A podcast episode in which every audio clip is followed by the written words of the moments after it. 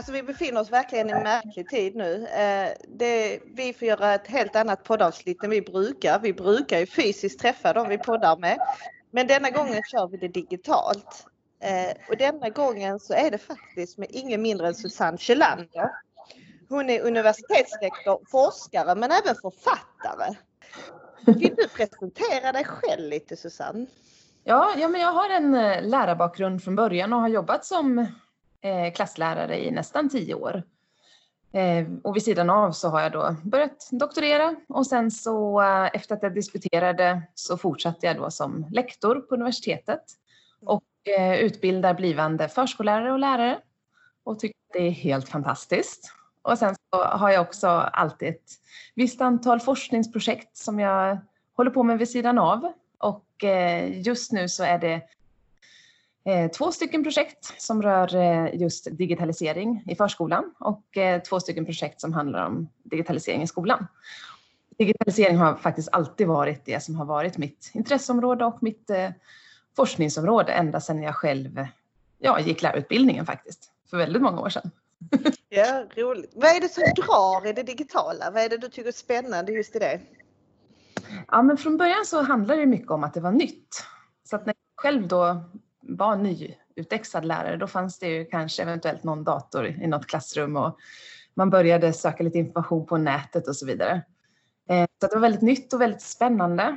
Men eh, ju mer åren har gått och jag har ändrat eh, fokus på vissa saker så har jag mer och mer intresserat mig för just barnens intressen och deras eget skapande med de här digitala verktygen på olika sätt. Och det tycker jag är jättespännande. Ja, härligt. Men just nu, vad är du inne med just nu? Alltså med de här, du säger du hade forskningsprojekt både i grundskola och i förskola lite. Vad är det vad är det, det handlar om lite grann? Ja, ett av eh, projekten som jag själv är vetenskaplig ledare för, det är ett, eh, det är ett eh, forskningsprojekt som är, som är finansierat av Skolforskningsinstitutet. Och det innebär att det är ett praktiknära forskningsprojekt. Och det som är så spännande med det, det är att i projektgruppen då som jag leder så är det flera stycken forskare, både från Stockholms universitet och från Lunds universitet. Men sen är det också två stycken verksamma pedagoger som ingår i forskargruppen. Och det är ju såklart jättespännande. Det är många utmaningar men framförallt så är det väldigt många möjligheter när man faktiskt har så olika kompetenser inom ramen för forskningsprojektet. Och det vi gör det är att vi studerar ett adaptivt spel som alltså anpassar sig efter barnens kunskaper och behov. Och just det här spelet det tränar eh, matematik eh, egentligen från 1 till 9. Så det är ju för de, ja, de allra äldsta på förskolan men eh, de som inte ännu har börjat i förskoleklass. Så man tränar det och så har man en liten digital kompis som kommer och hjälper en och som man själv får hjälpa. Ehm, och sen så håller vi på nu att ta fram ett eh, lärarverktyg så att lärarna, eller förskollärarna då kan ehm, följa med i barnens lärande. Mm, spännande. Det låter spännande. Mm. När blir det färdigt så vi kan ta del av det? Ja, den här eh, själva appen då, den, eh, den finns, den heter Magiska trädgården och den finns inte tillgänglig på App Store eller så ännu, men den ska göras tillgänglig för alla Eh, förskolebarn under sista året på förskolan i Sverige. Och det, det kan nog handla om ett år eller så. Det är Lunds universitet som har det. Ehm, och det här lärarverktyget då, det håller vi på att skapa nu tillsammans i workshops med verksamma pedagoger i Nacka i Stockholm. Ehm, och det, det, kommer att släppas ungefär samtidigt. Så att när projektet är klart om ungefär två år så hoppas vi att vi har några prototyper som man kan börja och engagera sig i det här. Spännande, spännande. Ja, ja det är jättespännande. Ja. Men vad är det som gjorde att du hamnade i förskolan? För du har ju hamnat, eh, varit, grundskolan har ju varit din bakgrund liksom och sen så har du vandrat vidare till förskolan. Vad är det i förskolan som lockar dig? Ja, det är ju faktiskt det här att man i förskolan ges möjlighet att vara i nuet tillsammans med barnen och att utforska ihop. Ehm, just då när jag slutade i skolan så var det väldigt mycket planerande innan och väldigt mycket uppföljning och bedömning och så vidare efteråt och väldigt lite tid egentligen i undervisningssituationen tillsammans med barn. Det känner väl jag att det är så spännande att se hur, hur man i förskolan verkligen har möjlighet och också är väldigt skickliga på att befinna sig i nuet tillsammans med barnen och utforska det som de är intresserade av just där och då. Eftersom man tillsammans ja, men hittar en, en väg att gå och ett, en slutdestination som kanske inte på förhand är bestämd. Och det är jätteintressant att du säger det för att jag upplever att man har blivit mycket bättre på, inom förskolan på just det att vara i nuet och ställa nyfikna forskande frågor mm. Eh, med barnen så att man forskar eller undersöker saker tillsammans på ett annat ja. sätt än vad man gjorde förr. Mm. Så det är jättekul. Ja. Vi håller på med din eh, bok nu just på mina förskolor, den här eh, digitalisering i förskolan på vetenskaplig grund.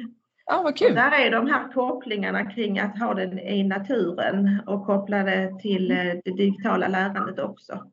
Ja. Vi har faktiskt diskussioner om det ikväll. Nej men vad roligt, då måste jag berätta det. För jag sitter faktiskt idag och skriver tillsammans med Cecilia som jag skriver det där kapit kapitlet med. Ja, ja, vad roligt. Berätta för henne. Ja, det måste jag berätta för henne. Och just det här att, att faktiskt inte lägga andra saker åt sidan utan att ha digitaliseringen som ett av verktygen. Ja, absolut. Och att det väldigt sällan ska vara det digitala eller det andra utan att det ska vara det digitala tillsammans med andra verktyg. Mm. Och vad tänker du då om man tänker barnen i framtiden? Om vi liksom tänker oss tio år framåt i tiden. Var tror du vi befinner oss då i förskolorna eller grundskolorna? Ja men precis, det där är ju livsfarligt som forskare.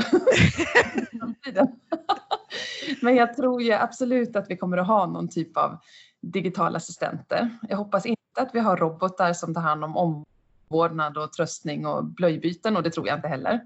Men jag tror absolut att det kommer finnas digitala assistenter i förskolerummen som mäter luftfuktighet och ljud finns ju redan många som mäter.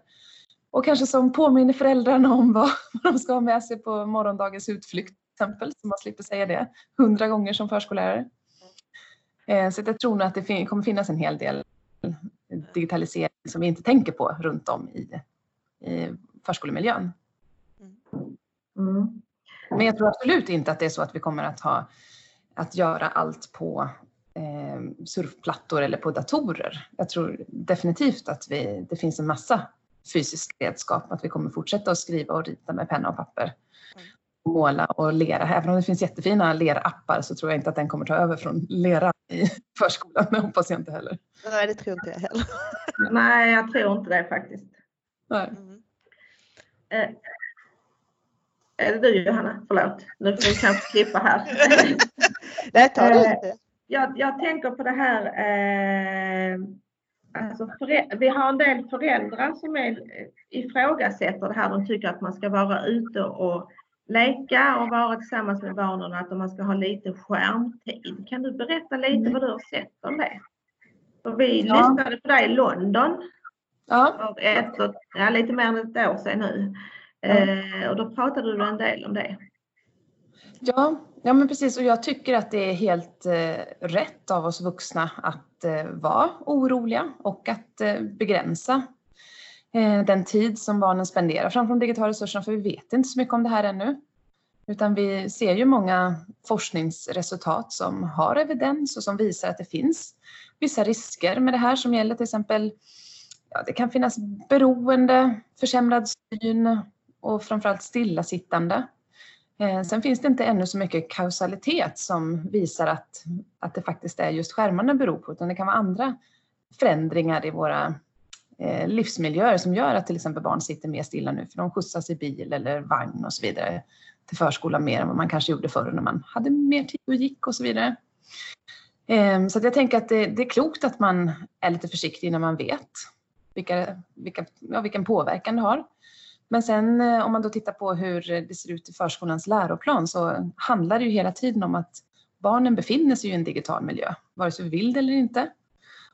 Och eh, då måste skolan ta sitt ansvar, eller förskolan också ta sitt ansvar att eh, förbereda barnen för den digitalisering de möter i hemmet och att kunna förstå den. För det är väldigt få barn som inte har eh, ja, smarta telefoner eller de har programmerade lysknappar och kylskåp och så vidare i hemmet. Och eh, att då ge barnen möjlighet att förstå att det inte är magi till exempel, utan att det är människor som har programmerat de här maskinerna och datorerna är väldigt viktigt redan tidigt. Mm. Alltså, vi hoppas ju att en del eh, vårdnadshavare lyssnar på den podden också. Vi, det är meningen i alla fall. Så att, för att vi försöker förklara och jag försöker förklara för en del pedagoger också att det handlar om att, att egentligen visa världen som den är. Precis som vi pratar om naturen, vi pratar om eh, hur allt fungerar så är det ju samma ja. sak här. Men att ja. det ena inte utesluter det andra.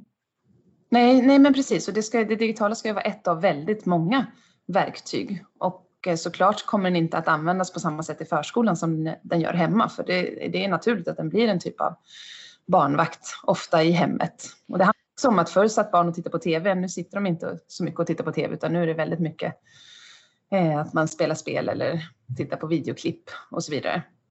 Eh, men på det sättet så används den väldigt sällan i förskolan. Den blir ju inte en barnvakt där utan där är ju pedagogerna finns ju där för att vara med barnen och stötta dem och deras utveckling. Mm. Ja. Och jag tänker det här, man pratar också om eh, producent, alltså att vi, barnen ja. gillar ju att producera mer än de gillar att konsumera och hur, man, liksom, hur, hur kan man jobba med det på ett sätt så det smittar av sig i hemmen? För jag tänker det är inte kanske alltid det som sker hemma utan där blir det barnvakt. Alltså lite ja. Absolut. Mm. Ja, och det, det, ser man, det, det har jag, apropå så här att spekulera om framtiden. Mm. så spekulerade jag faktiskt om det för ganska många år sedan och sa ofta på föreläsningar och så vidare att jag hoppas så innerligt att förskolans arbete smittar av sig på hemmets verksamheter med de här digitala lärplattorna eller plattorna eller iPadsen eller vad man kallar dem. Mm. och nu har ju faktiskt det hänt och det ser man första gången nu på till exempel Statens medieråds undersökningar att över hälften av alla förskolebarn producerar digitalt material hemma nu för tiden. Och det gjorde de absolut inte för några år sedan. Och jag tror inte att det är vårdnadshavarna som plötsligt har lärt sig en massa filmredigeringsprogram och så vidare, utan det är ju såklart förskolans aktiviteter som smittar av sig på hemmet. Och det handlar om att vårdnadshavarna kommer ofta och frågar pedagogerna om vad är det för någon app som när ni gör de där häftiga filmerna? Kan man ta ner den hemma? Och så gör de det och så får barnen visa föräldrarna hur man gör och så utforskar de tillsammans. Och det är jättespännande att se. Och det tillför ju lärandet något annat än det ja. som man kan göra helt analogt. Ja men exakt. Exakt. Och så brukar jag ofta säga liksom att när ska man använda digitala verktyg? Ja egentligen bara när det tillför något som de analoga inte klarar av. Och det är väldigt svårt att till exempel göra en film utan en, en digital, ett digitalt verktyg på något sätt. Så att där tillför det ju verkligen någonting. Ja, och barnen blir ju väldigt engagerade och det startar ett stort samarbete. Är det någonting ni har sett i forskningen också att samarbetet eh, utesluts ju inte? Det Nej. är ju inte något ensamt.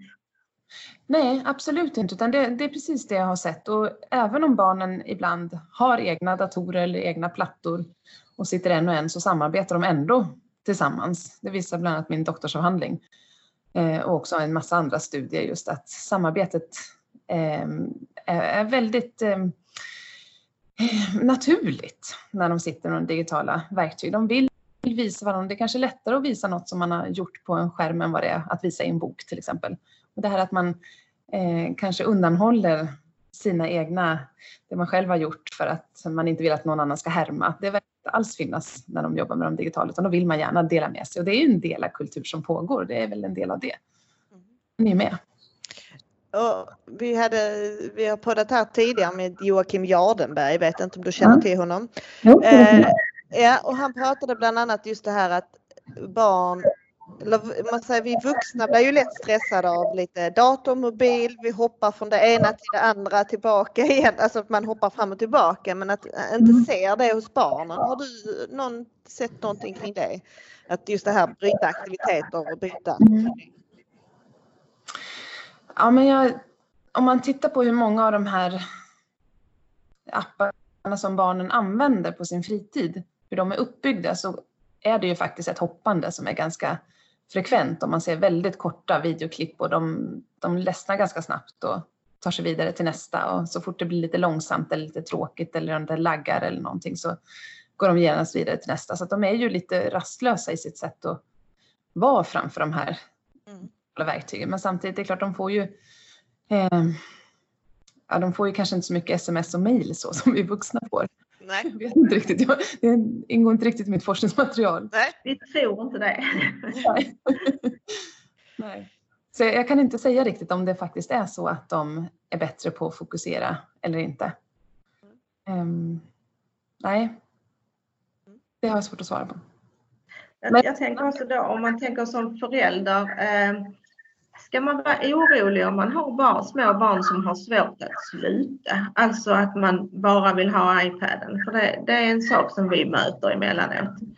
Eh, Ja, ja men det, nu är det väl så att de flesta barn är väldigt nöjda framför en, ett digitalt verktyg när de får sitta och, och titta på någonting eller spela något spel. Så jag tror att de flesta blir lite besvikna när man tar bort den och det kanske de blir även om de sitter och är djupt engagerade i en bok eller när de ritar. Alltså just det att avsluta en aktivitet, det är väl inte barnens favorit precis, utan de blir väl ganska arga ofta när man ska avbryta och börja med något nytt.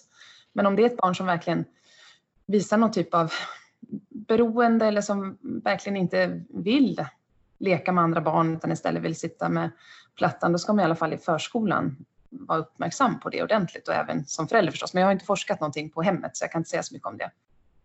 Men att vara vaksam på det, det tycker jag är jätte, jätteviktigt. Och att hela tiden tänka så här, men vad skulle barnet ha gjort istället? Om det inte satt nu, hade den klättrat i träd eller hade den läst en bok eller hade den läst med en kompis? Och eh, ofta är ju de aktiviteterna där man är tillsammans och rör på sig bättre. Sen finns det som sagt vissa tillfällen när det digitala tillför något som det analoga inte, till, inte kan ge. Mm. Annars är ju oftast det fysiska bättre i förskolan. Men... Ja, för våra tankar är ju då att, att precis som allt annat som barn gör för mycket, det, det hindrar vi och stoppar. Och ja, men precis. erbjuda något annat. Det är samma ja. sak där, tänker vi i förskolan. Jag ja. tänkte att man kanske ska tänka så hemma också. Ja, men precis. Och även att man tänker på det här att eh, vi vet ju att barn behöver röra sig mer. Det, där finns inga tveksamheter utan där är forskningen ganska tydlig. Men då finns det ju, är det så att barn tycker att det är väldigt spännande med det digitala så finns det ju en massa spännande saker man kan göra där som faktiskt också uppmuntrar fysisk aktivitet med dansappar och man kan mm. kanske undvika att låta barn titta på en liten skärm på nära håll utan istället öppna upp för att ha en stor skärm på långt håll, att man sitter tillsammans där det möjliggör en fysisk aktivitet och ett, en rörelse samtidigt. Mm. Ja. Jag tänker det här att utveckla istället för att förbjuda. Kanske. Ja. ja. Men sen är det ju, alltså jag tänker vårdnadshavare undrar ju ofta och jag har ju inte som sagt forskat om det. Men det är klart att man måste reglera det både i hemmet och i förskolan. Det finns ju väldigt få saker i hemmet som man inte reglerar. Man låter ju inte barn äta godis på vilken dag som helst eller gå och lägga sig när de vill utan man, man har ju regler som förälder. Det måste man ju ha även när det gäller det digitala. Ja, det har vi ju också. Mm. Och då tänkte jag här att vi faktiskt med detta ska lämna över till vår alldeles egen Lumma-pappa.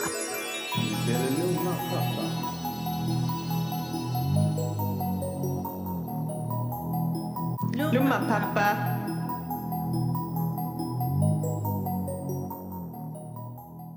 Mario hade bara en sak i skallen. Att hoppa över rullande tunnor, ta sig upp för byggställningar och rädda flickvännen Pauline från apan Donkey Kong. Plattformsspelet Super Mario Bros lanserades den 13 september 1985 och i över 20 år var det mest sålda tv-spelet genom tiderna med över 40 miljoner sålda exemplar. Super Mario tog tv-spelen till en helt ny nivå. Jag heter Thomas Lade. Jag är utvecklingsledare i förvaltningen för utbildning, kost, kultur och fritid i Lomma kommun. Jag är gift och pappa till två barn. Ni kan kalla mig för Lomma-pappa. Jag minns hur jag satt klistrad framför Super Mario. Jag vill också minnas att mina föräldrar var noggrann med att jag inte skulle spela för länge. Kanske de pratar om begränsad skärmtid redan då. Vem vet? Nu är tekniken en naturlig del i vårt familjeliv. Spelen har utvecklats, alla använder appar och barnen vill hellre vara producenter istället för konsumenter av digitala medier. Ett tydligt exempel är spelet Tokaboka Hair Salon. Här använder vår yngsta appen till något helt annat än den är tänkt för. Istället för att bara klippa hår så skapas musik. Jag tror att apputvecklare har förstått detta och i en rolig app belönas barnen när de prövar att använda appen på ett nytt sätt. Barn accepterar ju inte att det ska vara tråkigt. Och hur skulle det se ut? Att barn har tråkigt, menar jag. Och nu har jag blivit som mina föräldrar och begränsar barnens skärmtid och sätter larm på iPaden och förfasas över det barn fascineras över. Att Minecraft har så dålig grafik. Men det kanske är så att vuxna inte ska utgå från sina egna upplevelser hela tiden. Vi kanske inte ska förfasa oss över att barn tittar på en video på någon som spelar Soba i en timme. Vi kanske ska vara nyfikna och tänka att det, det finns ju vuxna som sitter i soffan och kollar på män som jagar en fotboll i 90 minuter utan att tycka att det är konstigt. Faktum är att digitala verktyg bjuder in till kommunikation som till exempel möjligheten att kommunicera med andra förskolor överallt i världen genom samtal via en läsplatta samt göra olika slags digitala studiebesök på arbetsplatser. Och corona skyndar på digitala besök. Se bara till kulturens digitalisering. Nyligen visade Kungliga Operan Wagners Valkyrien på deras hemsida och Moderna Museet satsar på soffvisningar, alltså livesända guidningar som kan ses hemifrån. The times are changing, som Bob Dylan sjöng. Det här med, finns det risk att vi på något sätt med digitala verktyg gör barnen mindre kreativa? Det är frågor man kan få ibland. Mm. Ja, ja men det, det, finns nog en risk och en sån risk kan ju vara att man tänker till exempel att eh, i det, digitala erbjuder så mycket så där finns, det finns trumappar och lerappar och, och gitarrappar och så vidare. Att man då tänker att nu har vi gjort alla de här olika sakerna fast allt har ju varit digitalt. Utan att man vill att man eh, även provar på saker fysiskt även om det kanske är lite jobbigare att köpa in eh, lera och det blir lite stökigare. Mm. Men, men det måste man ju såklart fortsätta göra för att barn ska vara kreativa. Jag tror att det är väldigt viktigt att man tänker att det här är ett av väldigt många verktyg. Mm. Ett av de hundra språken som en del brukar prata om. Mm. Jag tänker också så här, du har ju forskat på väldigt många olika områden. Vad, vad är det mest mm. liksom så här, som du har upplevt som så, så spännande som du har sett? Som kanske något som du inte hade förväntat dig eller ja, är det någonting som du liksom i din forskning har upptäckt? Ja, men det är väl, eh, det handlar ju mycket om det här hur barn använder verktyg till att skapa mening som det kanske inte alls var tänkt. De kan göra helt fantastiska filmer i Powerpoint till exempel. Mm. Ehm, de kan börja eh, leka och utforska de här robotarna till exempel, sådana här bibots, på helt nya sätt som inte är tänkt. Eller jag har ett annat forskningsexempel när de har en det är en sån här frisörapp där man klipper och formar, ja det är tomtens skägg i just den appen eh, med olika verktyg och sprayfärg och så vidare och den används inte alls som en frisörapp utan den används istället som en musikapp. Och så spelar barnen musik och använder den här som en piano med alla de här spännande ljuden som kommer då från rakapparaten och saxen. Så kommer andra barn då med en sån tamburin och trumpinnar och sätter sig bredvid och så har de en liten orkester till den här frisörappen. Det blir väldigt spännande när det används på ett helt nytt sätt som mm. appdesignen eller förskolläraren aldrig hade kunnat tänka sig. Mm. Det, det är ett typ av utmanande och ett gränsöverskridande som barnen hela tiden gör som jag tycker är så spännande i förskolan. Och det är det, det, är det vi måste se, det lärandet som eh, sker där. Ja. Eh, alla vuxna bör ju se det. Så. Ja. Och då är de ju producenter. Ja, verkligen, verkligen. Mm. Eh, jag tänker på det här med barn och etik på nätet. Eh, hur ska vi ställa oss, hur ska vi lära barn att vara lagom kritiska? För att det är positivt med digitalisering och internet och det är en delarkultur och det är så mycket positivt. Men så tillkommer det ju negativa saker. Har ni, har ni liksom tittat på hur, hur kan man arbeta med det för att medvetandegöra? på ett lagom sätt i förskolan. Ja men precis, jag tänker eh, att just i förskolan, det här finns ju med i just mitt forskningsmaterial, så jag har skrivit en del om det. Och där handlar det om att man behöver ju göra det här i ett görande tillsammans med barnen. Man kan inte ha en liten lektion med treåringar och säga att ja, bara så ni vet så finns det bilder som inte är sanna och kan vara manipulerade, utan man får ju tillsammans ta ett foto och manipulera det fotot och lägga till filter och så vidare för att se att man inte alltid kan tro på det som man ser till exempel. Eller som i förskolan att man jobbar med green screen och projicerar ett, eh, ett hav på väggen och så får barnen på samlingsmattan leka att de plaskar och simmar runt i det där havet och så blir det ju en film och så efteråt kan man ju titta på filmen och prata så men har vi verkligen varit vid havet idag? Mm. Så att man gör det tillsammans i ett görande istället för att ha små förmaningar ja, precis. inte kommer komma någonstans. Men sen så också om man tittar på eh, den här boken då som ni håller på att läsa så har ju Elsa Dunkels skrivit ett kapitel där om barns säkerhet och källkritik på nätet. Mm. Som har forskat mest om det i Sverige och hon skriver just det att de barn som är säkra på nätet det är de som är vana. Eh, och det behöver man ju tänka på för att tidigare har man inte behövt tänka på barn och sociala medier och sånt i förskolan. Men nu är ju väldigt många barn ute på sociala medier och har olika konton och faktiskt kan kommunicera med andra människor som de inte känner redan när de är fem år. Och det är ju eh, väldigt obehagligt och där finns ju risker.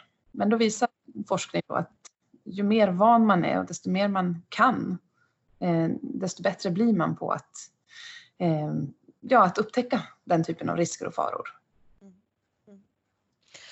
Mm. Mm. Tänker du som då tänker att du har jobbat i grundskolan och, och även i förskolan jobbar med bokstäver. Tänker du att det finns en mm. risk nu med alla, jag tänker på alla tecken, emojis och annat som man använder, mm. att det på något sätt kommer påverka vårt skriftspråk?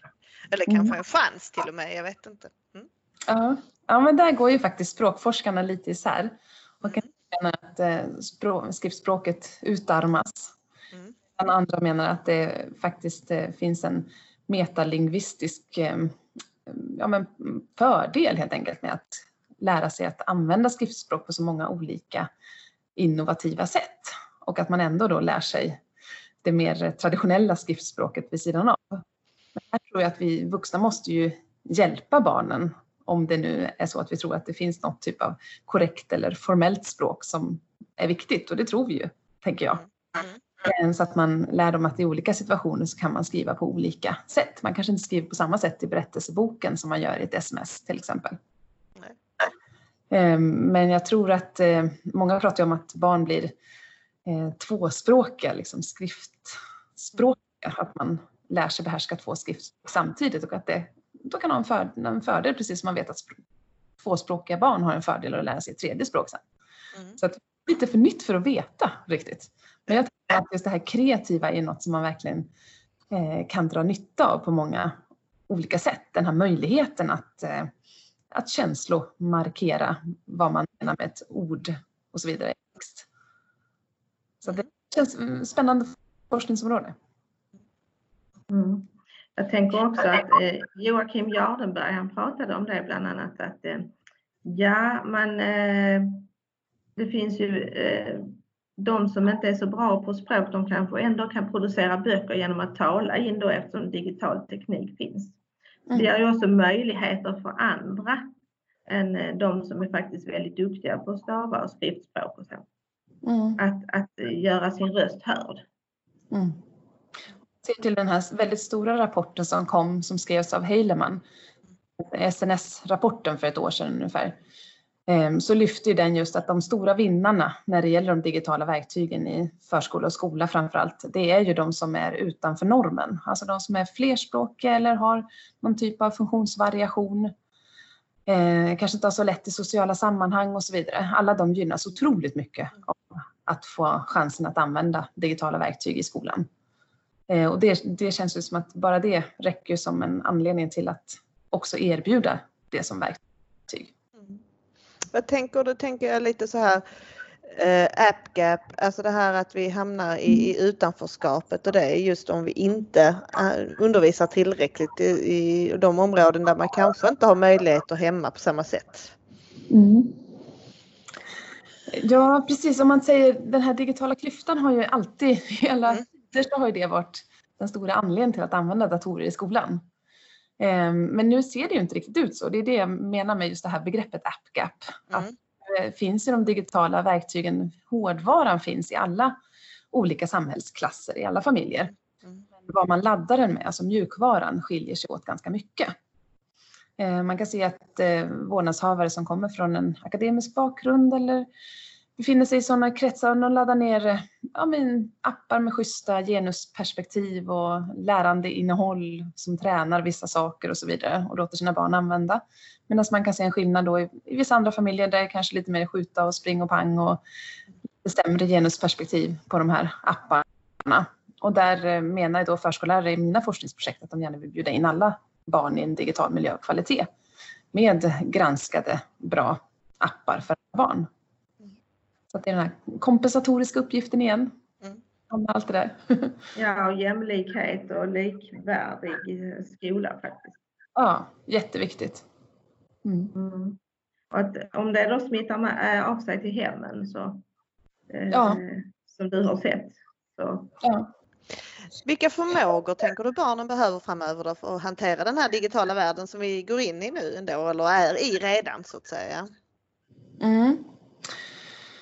Ja, jag tänker att just det här att förmågan att kunna hantera olika digitala verktyg, det är ju inte det som är det viktiga riktigt, utan det kan man ju, man hamnar ju inte i ett utanförskap eller hamnar efter för att man inte har hållit på med en eh, lärplatta eller en platta eller dator hemma eller så. Det är ju inte det som är det vanskliga, utan det är just det att man inte har en förståelse för den digitalisering som finns i vardagen, just med de här ja, men digitala assistenterna som snart kanske står i varenda hem och hjälper oss att tala om vad man ska handla för saker eller vilket väder det är och så vidare.